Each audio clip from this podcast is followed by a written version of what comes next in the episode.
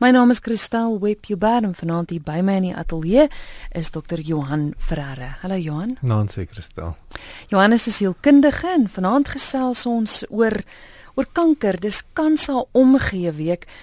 Hier's 'n SMS wat deurgekom het van 'n luisteraar wat sê ons kerk se gebedslys het 23 mense op waarvan 17 kanker het. Dis is nogals 'n grootse onderwerp dit voel vir my ook asof dit deesdae net al hoe meer en meer gebeur. Kyk ons leef maar in 'n wêreld waar mense se persoonlike um, inligting baie meer beskikbaar is. So dit voel vir ons of daar meer mense is.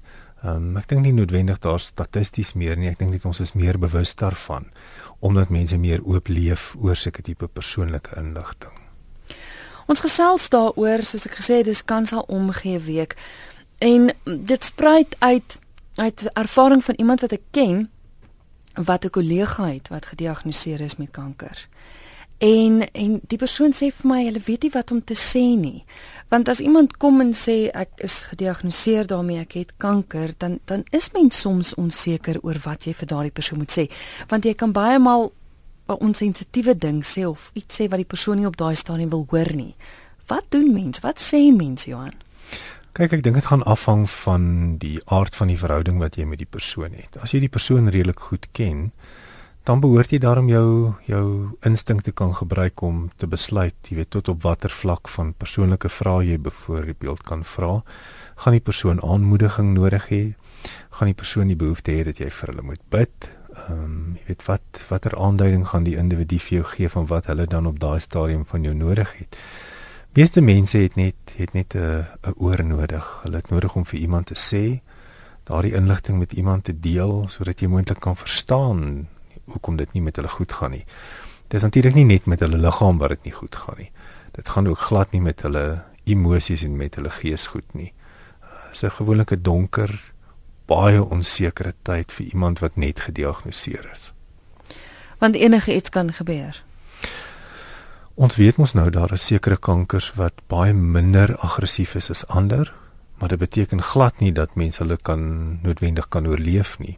So dis redelik onvoorspelbaar. Ehm um, die die emosies wat met dit gepaard gaan is maar redelik universeel. Um, dis onsekerheid. Um, ek weet nie waar my lewe gaan heen gaan nie. Ek weet nie of ek gaan sterf nie.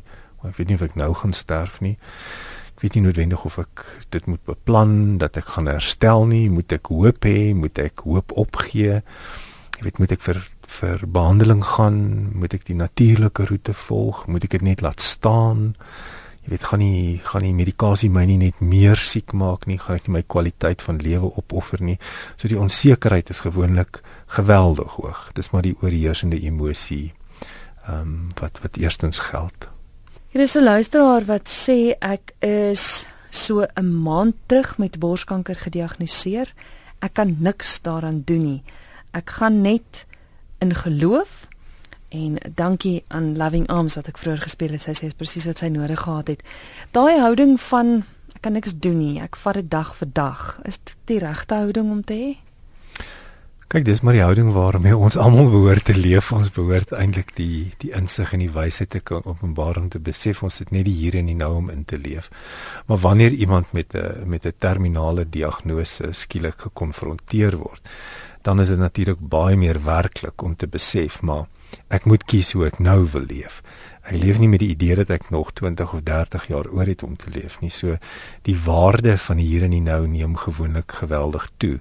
So dat ek ek kan nie eintlik nog 'n dag mors nog 'n uur mors, nog 'n gesprek mors, nog 'n bekleierery met iemand aanknoop wat regtig nie die moeite werd is nie. So die persoon wat dan nou skielik gekonfronteer word met hulle eie mortaliteit, um, is net so bewus daarvan dat hier en nou groot betekenis vir hulle het. En ons moet maar kyk dat die persoon nie in 'n, jy weet, in 'n emosionele gat val en dan nou so depressief raak dat die laaste dae of maande van hulle lewe, jy weet, besoedel word deur negativiteit nie. Die realiteit dat ons almal sal sterf is die enigste ding wat ons regtig weet. Ehm um, dis die enigste waarborg wat ons regtig op aarde het. So dis nie eintlik die die bewussyn van dat ek gaan sterf wat meeste mense met kankerdiagnose so omverwerp nie. Dis hoe hulle sal sterf En daardie tipe van inligting moet jy by jou moet jy natuurlik by jou onkoloog uitvind of by jou mediese dokter uitvind.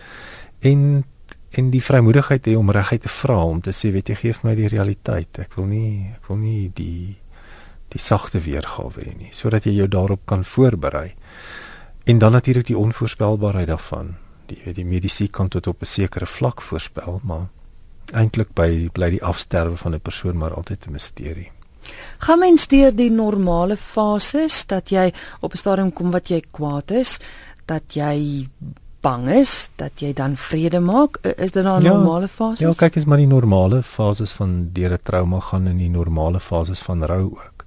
Want waaroor die persoon nou dadelik begin rou is die verlies aan aan my toekoms. Onmiddellik besef die persoon maar dit waaroor ek nog my hele lewe lank gedroom het, gaan nou moontlik nie gebeur nie. Ehm um, veral as die tydperk wat die persoon gegee word om nog te kan leef baie kort is. Tref die realiteit hulle redelik gou, maar daar is dan natuurlik nou 'n groot klomp goed wat ek nou van gaan moet afskeid neem.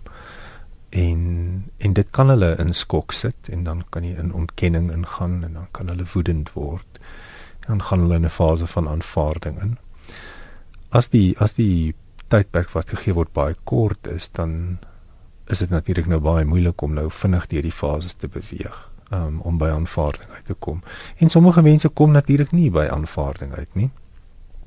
Ons kan natuurlik nie die proses jaag en vir hulle sê jy weet onder die tyd nou kort is, moet jy nou vinniger deur die fases gaan. Nie. So as jy iemand ken wat wat besig is om te sterf of wat 'n prognose van sterf ontvang het, is om baie geduldig te wees en die persoon toe te laat om die emosies te beleef wat vir hulle op daai stadium werklik is. Met groot genade en geduld met hulle te probeer omgaan. Jy weet as die persoon kwaad is, moenie vir hulle sê jy het te min tyd om kwaad te word. Jy moet nou eintlik dankbaar wees en jy moet nou eintlik gelukkig wees met die lewe nie. Laat eerder net die persoon toe om die emosie te beleef. Mhm. Ehm um, dis baie meer gesond. Ek wil net sê so jy moet eintlik al aanpas by die persoon in die fase waarin daai persoon is want ja. dit gaan ook vir jou help om om die regte ding op die regte tyd wil ek amper half te sê. Ja, as dit 'n familielid is of as dit 'n kollega is of as dit 'n vriend of 'n vriendin is, um, om eintlik maar daai laaste paar maande of weke wat jy het om met die persoon te deel, om dit in die realiteit te deel. Um, as die persoon nodig het dat jy daar moet wees vir versorging of dat jy daar moet wees vir pret of jy moet daar wees om net hulle hand vas te hou wees net wees net in die hier en die nou saam met die persoon. Ehm um, sommige mense het die behoefte om om vrolik te wil wees. Jy weet in die lewe volledig aan te gryp en nou 'n groot klomp goed te gaan doen in daai laaste fase van die lewe. En om dit eenvoudig toe te laat. Ehm um, as jy as jy daardie deel van die persoon se lewe met hulle kan deel, is dit 'n baie groot voorreg.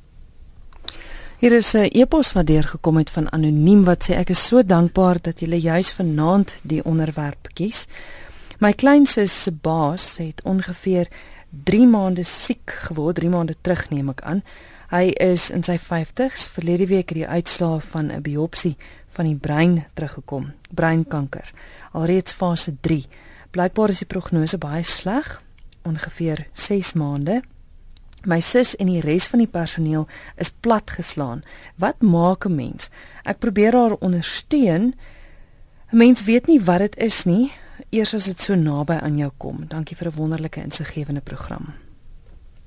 Kyk wanneer dit so naby aan jou kom staan dan verloor jy die leksheid om nie daaraan te dink nie. Hmm.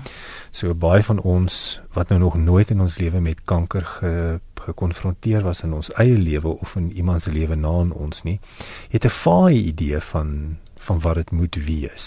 Ons het nie genoeg tegniese kennis nie, ons het nie genoeg mediese kennis nie, ons weet nie wat die effek daarvan sal wees nie totdat dit reg voor jou kom staan. Dan word jy nou gekonfronteer met 'n groot klomp kennis en die realiteit daarvan dat sommige mense dit nie gaan oorleef nie. Al wat jy kan doen is om daai persoon te ondersteun. As dit nou die jou baas is, om by jou baas te hoor wat het hy of sy van jou nodig? Ehm um, het hulle nodig om net normaal hanteer te word? Wil hulle ehm um, leef in die laaste tyd van hulle lewe deur werk toe te kom aktief besig te wees ehm um, nie konstant daaroor te praat nie eintlik net normaal hanteer te word. Dit is baie mense se behoefte. Dan gaan ons dit vir hulle ehm um, wanneer hulle dan die behoefte het om daaroor te praat dan moet ons tog nou sterk genoeg wees om in daai gesprek met hulle te kan tree en hulle dan nou maar net daarin vas te hou en te weet, ehm um, hierdie is eintlik 'n plek van voorreg want ons het nie nou tyd om te mors nie. Ek het nie nou tyd om met jou skynheilig te wees nie. Ek het nie nou tyd om met jou vals te wees nie. Ek moet maar eintlik nou in die waarheid met jou leef. Mm. So dis vir baie mense 'n baie verrykende verhelderende ervaring in verhoudings wanneer die realiteit hulle behoorlik tref. Jy kan saamgesels. Dit lyk my ons het 'n oproep. RSG goeienaand. Hallo. Chris. Dit gaan nie werk nie. As jy deurkom, moet jy asseblief dadelik jou radio afsit sodat ons jou mooi kan hoor. Die nommer is 089 1104553. 089 1104553. Die SMS nommer is 3343. Dit kos jou R1.50 of 'n e-pos kan gestuur word via ons webwerf rsg.co.za. Ek gesels met Dr. Johan Ferreira, dis kans al omgee week en ons gesels bietjie oor kanker en as mense na aan jou daarmee gediagnoseer is, hoe gee jy om vir daai mense? Ek dink met ander woorde wat jy eintlik opsommend sê van dit wat ons nou al gesê het is dat dit hang letterlik van elke persoon af. Dit hang af van die fase waarin daai persoon is, dit hang ook selfs van persoonlikheidstipe af. Ek meen iemand wat gewoond daaraan is om emosies en dinge vir homself te hou, die persoon kan ons nie skielik nou net verander nie.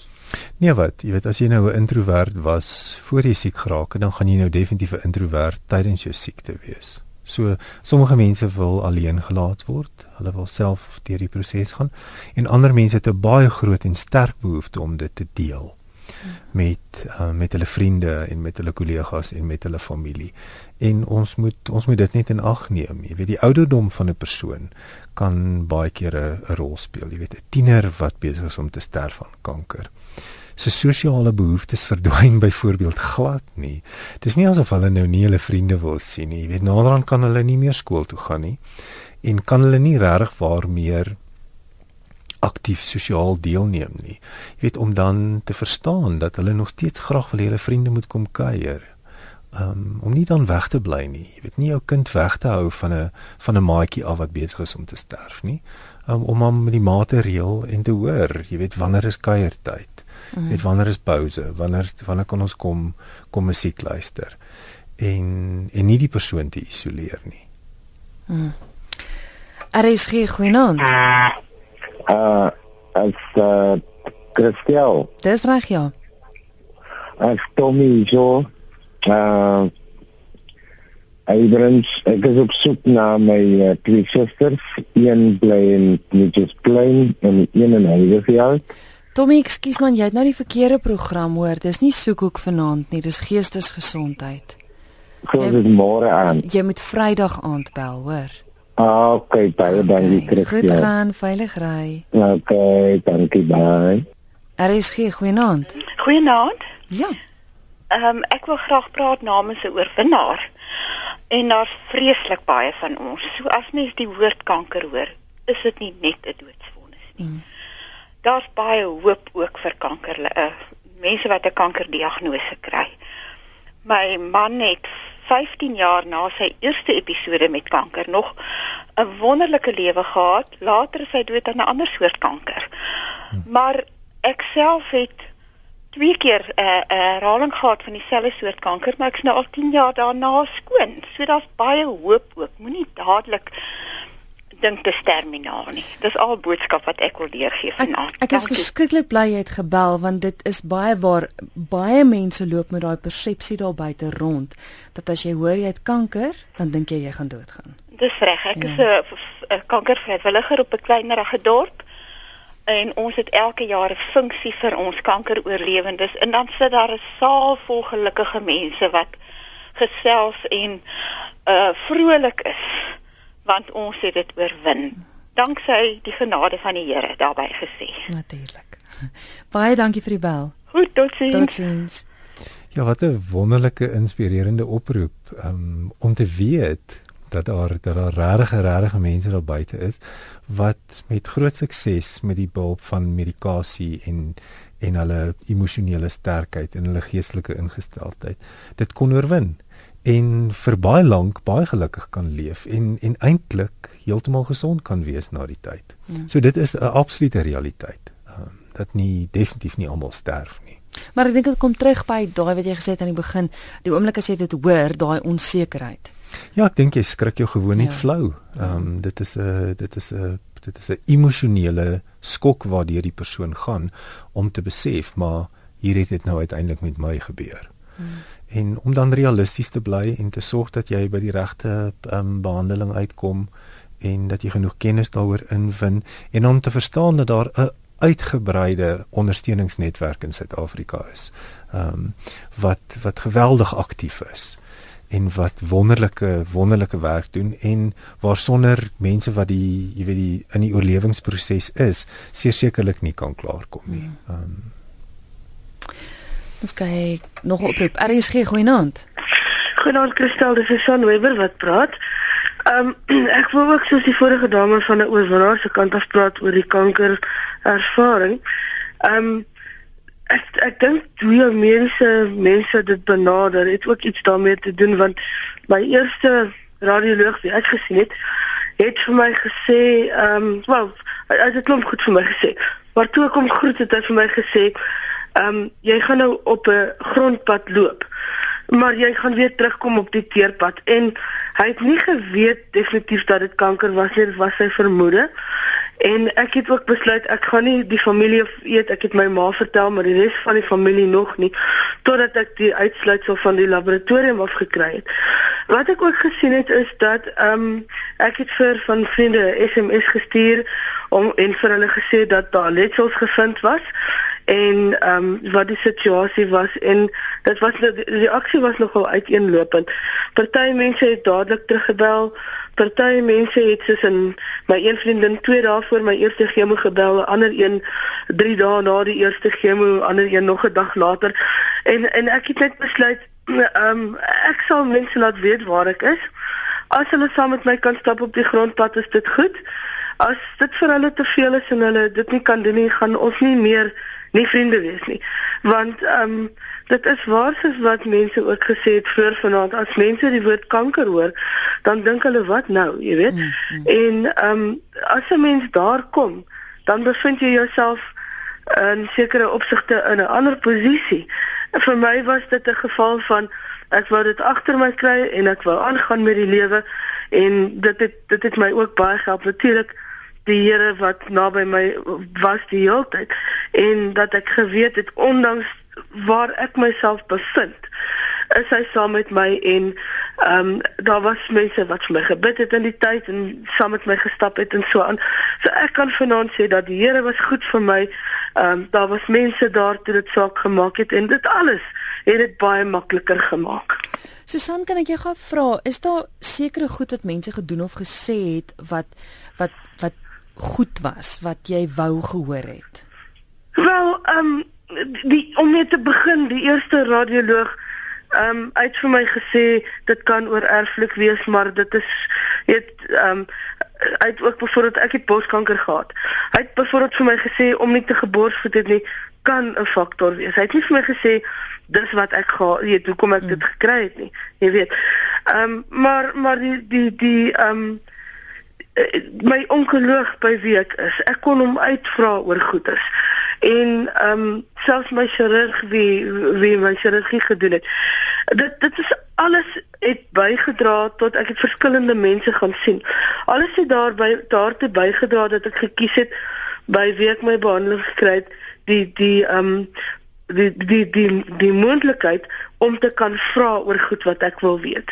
En en ook die manier hoe my mediese span ehm um, vir jy die situasie ehm um, ehm um, hanteer het. Byvoorbeeld, ehm um, ek is so gestremd so ek kan uit die aard van die saak nie vir hulle kyk of so nie. Maar byvoorbeeld as ek byvoorbeeld vir my onkoloog goed het gevra het en my ma het saam met my gesit en en ehm um, alles gehoor en sy die hele ding weet regtig baie naby my ehm um, deurgemaak en alles. Ehm um, en hy het vir, sê sy wou iets weet het hy haar geantwoord, maar dan hy weer vir my gekyk en verder met my gepraat. Hmm. So dit is nie 'n geval van dit is net nog 'n nommer of of so 'n tipe van iets nie. Dit het my baie gemaklik laat voel met my mediese span. Hmm. En natuurlik my vriende wie ek ehm um, gereeld op hoogte gehou het, laat weet dat ek gesweer by die onkoloog of wat ook al, ehm um, hulle interaksie, hoe gaan dit of of wat ook al of as ek laat weet dit gaan goed.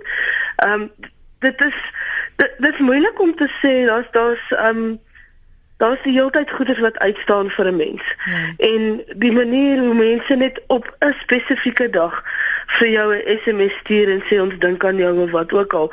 Ehm um, dit regtig baie gehelp. Baie dankie vir die bel Susan. Dis 'n plesier en ek wil net graag vir mense wat dalk onlangs met eh, 'n uh, diagnose van kanker uh, gehoor het, sê baie sterkte en mag die Here naby hulle wees en mag daar ook vriende wees om hulle te help en te ondersteun en as as daar vir hulle genade is dat dit goed gaan met hulle en dat hulle kan aangaan met die lewe dat dit so sal wees en vir die wat nie ehm um, 'n lang pad vorentoe het nie mag daar ook vir hulle genade wees in hierdie tyd en vir hulle naasbestaandes. Dankie vir die mooi wense Susan. Goed gaan. Dis 'n plesier. Lekker aand verder Kristel. Kristel kan hoor iets het met hierdie persoon gebeur. Um ek wou nie ek wou nou nie ingeval het en van gevra het hoe oud sy is nie want want ek sy sy klink vir my jonk. Maar kan jy die die emosionele volwassenheid hoor in wat sy sê? Haar hele belewenis van hierdie ongelooflike krisis wat in haar lewe gekom het, het haar duidelik so getemper en haar na na 'n ander plek toe gevat. Mense weet nou nie hoe sy voor die tyd was nie, maar jy kan baie duidelik hoor hierdie hierdie individu het het 'n het 'n moeilike pad geloop en ek vermoed sy het heeltemal 'n ander mens aan die ander kant uitgekom met 'n hart vir mense en 'n verstaan van die lewe en die verstaan van die kosbaarheid van vriendskappe. Ooh, wat 'n wat 'n wonderlike getuienis is dit nie. Dis kans haar omgee week. Sy's waar ons gesels vanaand. My gas is Dr. Johan Ferreira en jy's welkom om saam te gesels. RSG goeienaand. Ja, vir ons Christel. Dis reg ja. Hier so ek kon nie daar ek het uh, ding wat julle wil praat bietjie van 'n ander uitpunt uh, punt van my vrou het 3 jaar of uh, met was met slukdarmkanker gediagnoseer en sy is oorlede daarna.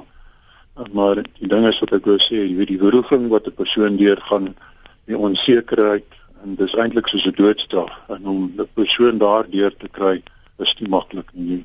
Basies jou jou lewe het tot 'n stilstand gekom want daarna is dit net nou uh kemoterapie en straling en die kemo partykeer het geweldige neeweffekte. Jy weet om 'n persoon daardeur te trek is nie baie maklik nie. Want ek weet dis Ja, ek skuis ek wil sê want dis nie net die persoon wat gediagnoseer word daarmee nie, jy wat die pad moet saamstap. Wel presies, jy basies jy, jy gee jou lewe op vir daai tydperk want die grootste ding wat ek gevind het jy moet daai persoon 24 uur uh, ondersteun want hulle gaan weer hierdie op en af fases wat hulle baie keer gelukkig is hulle aanvaar en aan die ander kant is hulle heeltemal bedruk en hulle hulle besef en ek dink hulle gaan onmiddellik dood maar as om daai persoon redelik positief te hou en sê daar is hoop. Maar uit die aard, ja uit die aard van die saak het jy seker ook deur fases gegaan nie O ja, maar die ding is dis hier dan jy moet probeer sterk wees. Ja. ja. Jy kan dit nie wys nie. Jy sien want dis nou die ding want hmm. daai persoon is nou van jou afhanklik. So wat ek gedoen het, ek het altyd saam met haar gegaan as vir uh, ondersoeke en behandeling gegaan en enigiets wat sy daar gehad, maar soos ek sê die kemo partykeer was die ergste ding, jy weet, ja. en dit is dit die newe effekte daarvan is nie mooi nie, jy weet, en dit affekteer jou kwaliteit van jou lewe. So dit is 'n moeilike situasie en wat ek ook gevind het, jy het gepraat van weet wat mense sê, party party mense kan baie baie onsensitief wees. Oh, ek weet. Ehm um, jy weet want die een en dit was nou 'n gelukkige predikant wat dit gesê het, hy het gesê sy is baie gelukkig want sy kan nou beplan vir haar dood. En ek meen jy sê dit nie vir 'n persoon nie, weet so. En daai klas van ding, so. Ja, ja. ja dis maar nou een van daai dinge, maar dit is net 'n ander bietjie van 'n ander perspektief. Ek weet daar is baie mense en is baie goed want toe ons by die kimo was, daar's baie mense wat daar sit wat dit deurmaak en dit is baie goed vir hulle. Jy dat jy kan sien ten minste dat jy dit nie heeltemal hopeloos vir almal is nie. Mm, mm. Verskriklik baie dankie vir die bel hoor. Ja, lekker dan tot sien. Sterkte, tot sins. Kristel wat ons baie keer vind is, jy weet wanneer die die lewensmaat of die familielid of die vriend of die vriendin sterk bly reg deur die proses en waar die pasiënt dan op die ou uiteinde wel sterf. Ehm um, is die is die persoon wat agterbly se proses dan nou eers gekaap gewees. Hulle kon nie bekostig om ook deur die proses te gaan nie. So hulle staan sterk en staan sterk en staan sterk en as die persoon dan nou vir watter rede ook al dan nou ook al sterf, dan dan begin hulle proses eers. Hulle hulle proses van aanvaarding, van swaar kry, van kwaad wees want eintlik terwyl die pasiënt nou deur die proses moes gaan, het hulle nie die leksheid gehad om jy weet om om swaar te kry en nie jy weet nie nie die situasie te kon baas raak nie. So dis baie keer 'n vertraagde uh, vertraagde proses waardeur hulle gaan en mens moet hulle maar maar dophou. Jy weet as dit 'n familielid van jou is of 'n vriend of 'n vriendin wat jy nou weet 'n uh, moontlike maat afgestaan het om maar met hulle te praat en te sê, weet jy, dit dit dis nou jou tyd om om ook jou proses klaar te maak. Maar ek dink dit is belangrik om om te dink ook daaraan dat ja, jy's daar om die een wat kanker het te ondersteun, maar jy moet net soveel daar wees vir die een wat help ondersteun. Daai persoon partykeer dalk nooi vir 'n koffie en sê nee, gesels so. met my, hoe ja. voel jy? Dat dat daai persoon tog wel die geleentheid het om te kan sê hoe hy voel, al is dit nie voor die een wat wat kanker het nie. Ja, dis die, dis die voorreg as mense uitgebreide ondersteuningssisteem mm. het. Ehm um, nie almal het natuurlik nou die voorreg daarvan nie. As mens as mens mense het wat vir jou omgee om maar sensitief te wees, jy weet. Ehm um, dis soos hierdie hierdie luisteraar nou gesê het om nou maar versigtig te wees om oor jy weet om oor jou realiteit te praat as jy regtig nog nie die belewenis gehad het van wat dit is wat gebeur nie. Ehm um, want mense dink dalk jy sê iets baie baie oulik en insiggewend en goed. Maar moontlik het jy dit nog nie self beleef nie, so jy het geen idee ehm um, hoe dit voel nie. En en dan is die die beste raad is om dan maar eerder stil te bly. As jy nie weet wat om te sê nie, sê maar net weet jy my hart is regtig baie seer saam met jou. Ek dink dit moet vir jou baie moeilik wees. Mm. Wys jou empatie. Is hier goeienaand. Goeienaand. Ek wil ook graag my vroukie het kanker gehad en ek wil ook graag net my bydrae lewe as ek as ek mag. Seker jy's op die lig baie dankie. Dankie. Goed jy kan gesels. Hallo Christel. Nant, met wie praat ons? Dis Loukie wat praat. Hallo Loukie. My vroutjie het 38 jaar gelede kanker gehad. Borskanker. En dit is een van haar borste verwyder en ek is ou gewees het. Dit was my baie teerplek op haar liggaam gewees, so sê die borsverwyder. En toe sê die hospitaal het kom toe was sy nou so bietjie skaam gewees en sy wou nie vir my uittrek nie. Maar met die tyd het dit reg gekom. En as gevolg daarvan het ons lewe net nader aan mekaar gekom.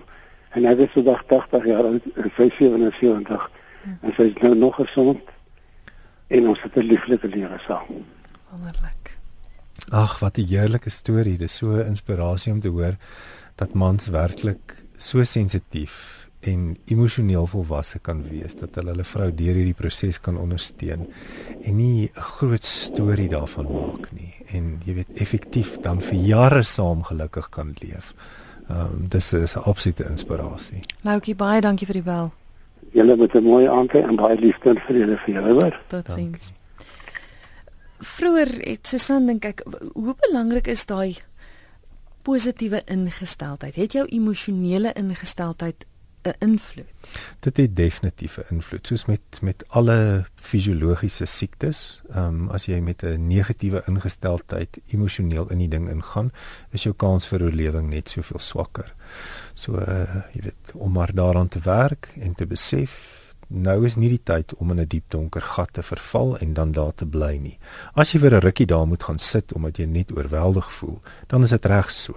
Maar jy gaan nou nie vir jou huis daar bou nie jy kan eenvoudig nie bekostig om hopeloos te raak um, om om te glo dat daar nie vir jou 'n toekoms is nie dit laat mense gewoonlik baie dieper delf in terme van dit wat hulle werklik glo oor die lewe die realiteit van die lewe tref jou baie diep as jy gekonfronteer word met die feit dat jou liggaam moontlik vir jou nou in die steek gaan laat. En dit kan vir baie mense 'n uiters betekenisvolle proses wees. 'n verdieping in terme van hulle verhouding soos wat ons nou net gehoor het, um, 'n verdieping in terme van hulle geloofsisteem, 'n verdieping in terme van die die uitkyk op die lewe. Wat glo ek oor myself? Jy weet iets wat ek nog altyd gedink het moontlik deel van myself is, daag ek nou uit en ek kom agter maar ek is baie sterker as wat ek gedink het ek is. So dit kan vir baie mense op die ou uiteinde 'n baie positiewe emosionele proses wees. Al laat die lyf ons dan nou maar in die steek. Ehm um, die lyf gaan ons in elk geval op die ou uiteinde in die steek laat. Ehm um, die realiteit daarvan kan ons nie ontken nie. Hmm. Lyk vir my asof daar foute is met ons SMS lyn want dit kom nie SMS'e deur nie, maar gelukkig wil almal saam gesels hier op 0891104553 en hoe wonderlik om almal se stories te hoor. Er is geen goeie naam. Hallo. Goeienaand. Goeienaand, jy's op die lig. My naam is Betsy. Ek is 'n 70-jarige weduwee. Ek sit hier in my bed na julle program en luister. Ek het seker 30 jaar gelede 'n mastektomie gehad met geen nagevolge daarna nie. Ek het nooit enige chemo of bestraling nodig gehad nie. Ek het ook nie 'n rekonstruksie gehad nie. Want ek en my man het dit binne die eg hanteer. Maar na my man se oorlede was dit vir my 'n probleem toe ek weer begin uitgaan want ek het nou vir die eerste keer daarmee gekonfronteer. Ek moet nou vir 'n relatief vreemde man in 'n nuwe verhouding sê ek het net een bors. En uh in sommige gevalle het dit goed gegaan, maar toe ek 'n liefdesteleurstelling gehad het, het ek gevoel ek is verwerp vanweë die feit dat ek net een bors het. En tot vandag toe nog is dit vir my 'n sielkundige probleem. As ek mooi welgevormde dames so van vooraf sien aangestap kom in die winkelsentrums, dan voel ek my gemis aan al is ek 70 jaar oud. Hoe gemaak? Betsy, gaan jy luister by die radio? Ek luister by die radio. Baie dankie vir die bel, hoor. Totsiens. Totsiens. Kyk ons identiteit is maar gekoppel aan ons liggaam. Jy weet of jy nou 7 is en of jy nou 70 is. Jou belewenis van jouself het iets met jou liggaam te doen. Ehm um, die feit dat hierdie dat hierdie luisteraar 'n gemis in haar lewe voel, ehm um, is heeltemal normaal. Um, as sy op 'n plek kom waar sy waar sy werklik voel dat dit iets is wat sy nie sonder wil leef nie. Sy wil nie sonder hierdie bors leef nie. Niemand sê jy kan nie 'n rekonstruksie laat doen nie. Ehm um, dit maak nie saak wat ander mense daarvan dink nie. Dit gaan tog mos nou oor wat jy daaroor voel. Ehm um, ek verstaan dat dit sekerlik vir haar makliker was, jy weet, binne die verhouding met met iemand wat sy geken het. Mm. Dit is maar altyd moeilik as ons 'n bietjie ouer is en op 'n stadium moet ons dan nou weer 'n liefdesverhouding met iemand betree om dan nou hierdie lyf wat nou nie meer heeltemal so goed lyk nie, dan nou te gaan bekendstel aan iemand anders wat nou nie my liggaam ken nie. So ek kan dink dit moet vir haar 'n geweldige groot uitdaging wees. En en en die die die die man met wie sy moontlik in 'n verhouding was, het dalk net nie kans gesien daarvoor nie. Dit beteken nou nie dat hy haar verwerp op grond daarvan nie. Um ek dink net as dit haar regtig pla, moet sy oorweeg om iets daaraan te laat doen dit dit het regtig nie iets met ouderdom te doen nie. Sy wil lief word vir haarself. Sy sy moet gemaklik wees met haar liggaam. Jy weet sy jy weet op 70 deesdae kan mens nog 20 jaar leef. Hmm. So wat moet mense nou vir die volgende 20 jaar gemis in jou lewe voel? Of kan jy besluit dat weet jy ek wil 'n kwaliteit liggaamsbeeld hê? Ehm um, so ek wil haar aanmoedig om dalk daaroor te dink en en die die alternatiewe te gaan bekyk. RSG, goeienaand. 'n Goeienaand gestel. Ehm um, ek skakel ook in verband met die, die onderwerp vanaand. Ek was ook een wat lank saam gestap het. My man het koloonkanker gehad en uh, baie erg uh, het dit gehad. Eindelik op die plek waar dit gehad het, lag by sy anus. Die dokter sê weet is dit dan ook 'n plek waar hulle nou nie juis ehm um, vir 'n mens uh gewoonlik gee hulle mos baie keer stoma en dan kan dit later omkeer. Ja. Maar omdat dit so laag was, moes hy toe permanent 'n stoma gekry het. En die pad het hy ook vir 12 jaar gestap en hy was 'n baie fikse mens wat geboer het en gebou het en dit het sy hele lewenskwaliteit eintlik verander. Wat te verstaan is, hy was op 'n stadium tot 5 maande in die hospitaal. Daarna het hy uitgekom, hy was 'n jaar by die huis en toe het hy weer kon deur die genade van die Vader weer begin ligter werk doen. Maar wat ek ook wil sê vir my wat langsom gestap het, ek was 'n mens wat eintlik ek kon skaars 'n pleister op my kinders se knie plak as hulle geval het. Maar daardie tyd het suster in die hospitaal vir myself geleer om sy inspuitings te gee dat ek sy liggaam kon hanteer vir hom dat hy nie nodig gehad het om uh na suster toe te gaan of iemand anders toe te gaan om hom te help nie dit kry mens wanneer die krag van bo en met ondersteuning van jou medegelowiges en jou ouers en ehm um, die uh les wat ek ook daar uitgeleer het uit die hoe hy sy pad gestap het wat my weer sterker gemaak het vir die pad wat ek later eh, nou stap nadat hy nou al 10 jaar oorlede is en wat ek ook wil sê dit het vir my ook 'n passie gegee vir ander kanker pasiënte sodat ek nou waar ek kan ondersteun het kankerpasiënte en ryle vir behandeling en moedig hulle aan. En dan ook as ek 'n kaartjie wat ek gedurig by my het wat ek altyd dan in die uh, wanneer hulle daar sit vir behandeling uitdeel soos hierdie van ehm uh, kanker is so beperk. Dit kan nie liefde vermink nie nie hoop verpletter nie nie geloof verwerp nie nie vrede aantas nie nie vertroue vernietig nie nie vriendskap vernietig nie herinneringe uitsluit nie. Moed laat soog nie. Die siel binnendring nie. Die gees onderdruk nie. Die ewige lewe onbelangrik maak nie. En die krag van die opstanding verminder nie. En dit is net vir my nog altyd um, wonderlik dat die Here my krag gee om dit te doen omdat ek ook daarom ook na 'n bejaarde pad stap en self 'n weduwee is en aftree oor. En ek wil vir almal ook daar buite kan sê daar's net een wat 'n mens kan deurdra en dit is die Here. En dit help nie om gedurig te vra hoekom, waarom, hoekom nou jy's ek nie. Hoekom nou nie jy nie? Is jy dan 'n nou beter se aan die een dat dit nie op jou pad moet kom nie? Baie dankie vir hierdie programme en sterkte vir julle ook, hoor. Baie dankie vir die bel.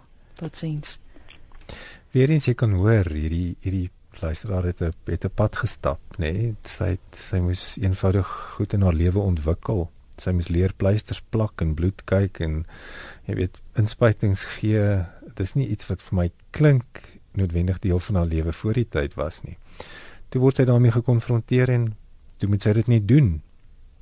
So het het die kanker wat oor haar pad gekom het deur haar man se liggaam nou noodwendig vir haar 'n negatiewe ding gewees in haar lewe? Klink nie vir my tans so nie klink vir my sy dit omgedraai en iets positief daarvan gemaak, betekenis daarin gevind en daarmee negeer ons glad nie hoe moeilik dit moes gewees het nie. Dit mm. moes baie moeilik gewees het om 'n om 'n sterk, suksesvolle aan die gang man, jy weet, vir maande lank siek in die hospitaal te moes sien. Maar dit klink vir my daar was 'n oorwinning gewees, positiewe uitkoms, absoluut. Wonderlike storie. Ons het tyd dink ek nog vir so een oproep. RSG goeie aand. Ja. Hallo. Ja. Ag, hoorie, ek wil ook net iets sê in verband met die borskanker. Ek het my bors verlede jaar deur kanker verloor. Maar wat ek vir almal aanbeveel vir al jong vrouens, byna was nie 'n klontjie nie. Wie hulle niks gevoel in die mammogram wys toe 'n bloedkol. En dit het hulle uitgesny en toe hulle om ontleed, toe toe is dit nou 'n kwartaardig en en dit was so betyds ek het nie eers chemo nou gekry nie. Dit was so wonderlik dat ek klaar by die dokter by linkerbors seer en die kanker is al die tyd in die regterbors na die mammogram. So die mense moet hulle nie blind staar dan net altyd 'n klont wees nie. En toe 'n paar dae daarna toe die bors verwyder. Baie dankie vir die bel. En ek ek kon nog net want twee maande net daarna sterf my enigste kind so kon ek het, ek nou amper sê my aandag was meer by die kind se dood as by my kanker hmm. en uh, ons is dan nou oor die eerste Sterkte. Maar ek wil net sê uh, dit dit kan jy voel niks. Hulle voel niks klonte nie. Dan maak hulle naald daarin en dan vind hulle uit van die kanker. Jy weet as hulle uittrek en dan sny hulle hom uit. Dankie vir die bel mevrou. Totsiens. Okay. Mooi aand vir julle. Dankie. Goed gaan. Ja, weer eens daai ek ek dink ook dat mens gou genoeg dat jy na jou lyf luister en en soos ons vroeër ook die luisteraar wat eers eers iemand ingebel het wat sê dat dit is nie noodwendig 'n doodsvonnis nie. Nee, is nie 'n doodsvonnis nie. Daar is natuurlik voorkomende maatreëls wat mens nou kan kan doen, jy weet, soos om jaarliks vir jou mammogram te gaan as jy as jy oor 'n sekere ouderdom is. 'n Vriendin van my vrou sê altyd sy was nou weer in 'n mammogram betrokke. Um dit is dit is natuurlik nie 'n lekker ervaring nie. Dis nie 'n 'n positiewe um aktiwiteit wat jy gaan doen nie. Maar dan weet jy mos nou, jy weet, vir tyd en wyl is dinge nou eers weer reg. Johan baie dankie vir die kuier hier in die ateljee. Kan luisteraars jou kontak? Hulle kan vir my e-pos stuur by johanf@mosaik.com. Dankie. Dankie Christa.